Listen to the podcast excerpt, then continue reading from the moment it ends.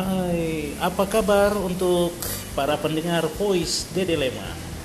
Kalau kemarin saya banyak berbicara tentang pelantikan pengurus Badan Promosi Pariwisata Makassar, eh, ada satu hal yang ingin saya ungkapkan dari eh, pelantikan itu, yang sebelumnya di mana saya diminta untuk memberikan prolog kepada audiens dan hadir Bapak PJ Wali Kota.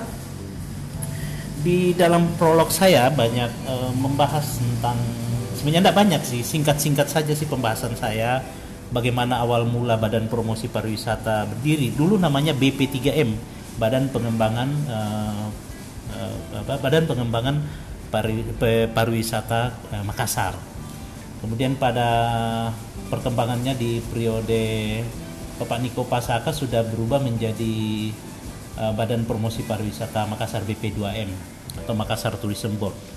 Kenapa bisa berubah? Karena uh, dari berapa tahun sekitar 4-5 tahun kita amati dalam uh, perjalanan BP3M ini beberapa destinasi di Kota Makassar itu memang baiknya harus lebih fokus pada destinasi mana yang betul-betul sudah siap itu yang kita betul-betul uh, promosikan secara luas dan betul-betul uh, fokus mempromosikan segala aspek-aspek yang berkaitan dengan destinasi-destinasi uh, yang ada di Kota Makassar.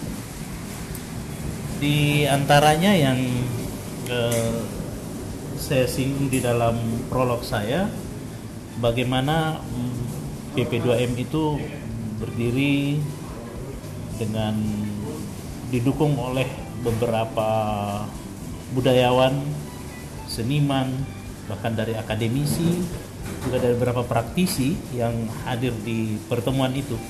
Pertemuan itu sendiri berlangsung sekitar uh, bulan Maret tahun 2002 di Museum uh, Kota Makassar dan wali kota pada masa itu adalah Bapak Amiruddin Maula.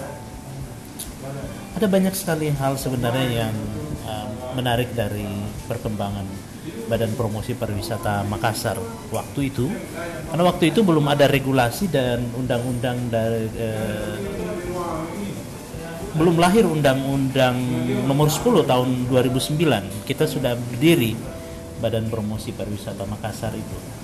Dan eh, kota-kota uh, yang ada pada waktu itu baru selain Makassar, Bali, Lombok dan Jogja itu menjadi referensi uh, dari beberapa uh, destinasi apa dari beberapa badan-badan yang ada sehingga undang-undang nomor 10 tahun 2009 tentang pembentukan Badan Promosi Pariwisata itu bisa terbentuk.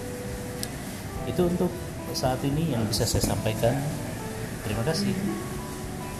Tetap di Dede Leman Voice.